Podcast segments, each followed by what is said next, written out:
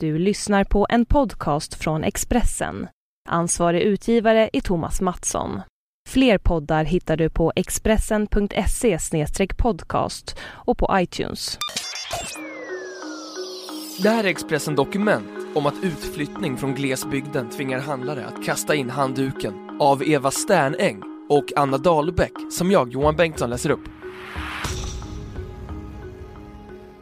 I mer än hundra år har affären legat där, vid Allfartsvägen i Skåne. Men efter den förra helgen står det definitivt stängt på dörren till den gamla lanthandeln i Hörja. Då tömdes lagret på det mesta av konserver, bananer och skruvar och alla stamkunderna tackade och tog farväl. Allt fler svenska lanthandlare tvingas kasta in handduken i takt med att människor lämnar glesbygden för jobb i storstan. Ett undantag är Agunnaryd där byborna fick behålla sin lilla lanthandel tack vare Ingvar Kamprad.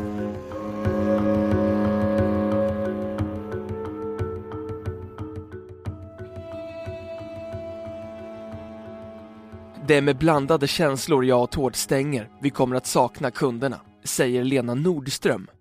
Tillsammans med sin man, Tord Nordström, har Lena haft lanthandeln Hörja Livs utanför Hässleholm i drygt 33 år. Sex dagar i veckan har paret, idag 58 och 60 år gamla, låst upp butiken vid sju på morgonen och tagit hand om såväl leverantörer, kunder, bokföring, städning och varor fram till sent på kvällen. Bland de cirka 100 kunder som besökt affären varje dag är en hel del bilister som har haft vägarna förbi. Kundunderlaget kan vi inte klaga på. Det är inte därför vi nu bestämt oss för att slå igen, förklarar 58-åriga Lena Nordström.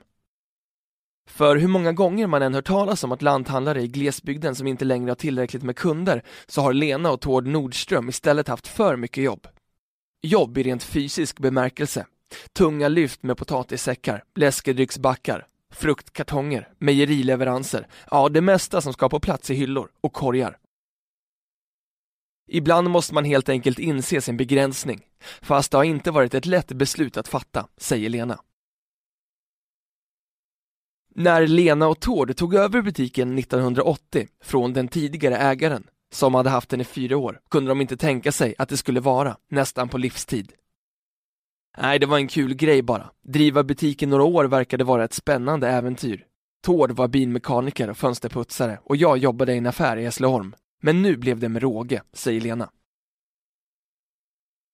Butiken som slog upp portarna för allra första gången någonstans i mitten av 1880 har förstås genomgått en modernisering under åren som paret Nordström skött rulliansen. Kortbetalning till exempel var inget som fanns där när de tog över 1980. Men till skillnad från Lena och Tord måste många svenska lanthandlare kasta in handduken när allt fler lämnar glesbygden för jobb i storstan och kundunderlaget inte längre blir tillräckligt stort. I städerna har trenden inom dagvaruhandeln istället blivit att vi köper vår mat i stora köplador som ofta ligger i utkanten av städerna. Men enligt Dagens Nyheter, som pratat med ansvariga personer i våra största livsmedelskedjor, så håller även den trenden på att förändras. Nu vill fler och fler slippa ta bilen till affären igen och därför öppnas fler mellanstora butiker inne i städerna. Trenden ser likadant ut internationellt. I Storbritannien satsar livsmedelskedjan Tesco mer på de mellanstora och mer centrala butikerna. Likadant gör amerikanska jätten Walmart. Men inte alla lanthandlar måste lägga ner. Ett undantag är Agunnaryd, där byborna fick behålla sin lilla lanthandel tack vare Ingvar Kamprad. Han växte upp i Älmtaryd, bara någon kilometer från platsen där lanthandeln ligger när affären 2005 sjöng på sista versen bestämde sig Kamprad för att rädda den och gick in med drygt en halv miljon kronor till nysatsningen under förutsättning att byborna bidrog med lika mycket. Då gick Agunnarydsborna ihop och pytsade in 850 000 kronor. Ingvar Kamprad var på plats när lanthandeln invigdes samma år. Jag frågade mig själv, vad är det viktigaste som händer i år? Är det Rysslands största IKEA-varuhus som jag invigde för en vecka sedan, eller är det det här? Lanthandeln i Agunnaryd är det viktigaste, har Ingvar Kamprad sagt i Smålandsposten. Lanthandeln har drivits av många olika ägare genom åren. och sedan två månader tillbaks är Kristoffer Åström och Stina Axelsson de nya butiksföreståndarna. Som ny föreståndare vågar inte Kristoffer Åström sia in i framtiden, men berättar att deras nyöppnade café öppnar för flera möjligheter i framtiden. Men det är helt klart en utmaning att förvalta det här, medger han. Kundkretsen är trots allt begränsad. I Agunnaryd med omgivning bor 650 personer och var sjätte är med i den lokala pensionärsföreningen. Ingvar Kamprad har skänkt sammanlagt 6 miljoner kronor till en stiftelse som ska jobba för att utveckla landsbygden kring Agunnaryd.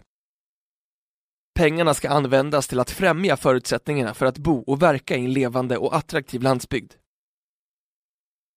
En organisation som sedan länge arbetar för lanthandelns överlevnad i Sverige är Hela Sverige ska leva. Jag skulle vilja säga att just lanthandeln har en enorm betydelse för att ett litet samhälle ska hålla ihop. Det är en viktig samlingspunkt och när lanthandeln stänger förlorar orten mycket av sin attraktionskraft och identitet, säger Staffan Bond, verksamhetschef på Hela Sverige ska leva. Han betonar också den positiva effekt lanthandeln har ur miljösynpunkt. Utan lanthandeln tvingas människor ta bilen och köra långa sträckor till större tätorter, säger han. I enkäten som organisationen skickade ut till de cirka 400 lanthandlare som finns i landet idag framkom tydligt att lanthandlare saknar en intresseorganisation.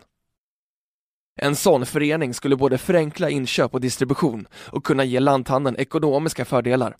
En förening skulle även kunna ge utbildning i frågor som rör verksamheten, säger Staffan Bond.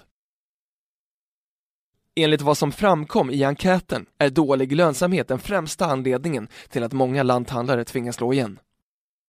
Men det kan å andra sidan bero på svårigheter att få bra leveransvillkor och avtal med grossister, säger Bond. Ett måste, menar Staffan Bond, är att lanthandeln förnyas, något som många handlare redan genomgått. Det kan handla om att man ger service som post, systembolag, apotek, men också åtar sig viss kommunal service som turistinformation, uthyrningsverksamhet, internetuppkoppling och annat, säger han. Han ställer en förhoppning om kommande generationer, att människor framöver ska vilja flytta ut från städerna. Då måste det dyka upp nya verksamheter för att möta den efterfrågan som boende har. Nya lanthandlare kan växa fram. Det hela är en växelverkan, säger Staffan Bond. För Tord och Lena Nordström har orsaken till att de slår igen varit ett tungt arbetsliv på egen hand i Hörja Livs. Jag hade gärna sett att det bildades en intresseorganisation. Det kan säkert hjälpa många, säger Lena. Nu har dock inte paret Nordström tänkt att slå av på takten helt, eller bli pensionärer på deltid. Vid sidan av butiken har paret haft en bilverkstad och den tänker de fortsätta hålla igång. Paret inser att Hörja Livs inte kommer att återuppstå i ny regi de har försökt att sälja i tre år, men ingen har nappat. I en enkät som Hela Sverige ska leva stod för förra året menade fyra av tio lanthandlare i Sverige att de nog skulle behöva slå igen inom fem år. De olyckskorpar vi hörde i början, när vi tog över, de hade fel. Men nu verkar deras farhågor stämma. Det är svårt att driva lanthandel idag, säger Lena.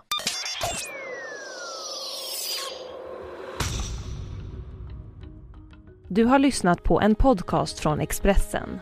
Ansvarig utgivare är Thomas Mattsson. Fler poddar finns på Expressen.se och på iTunes.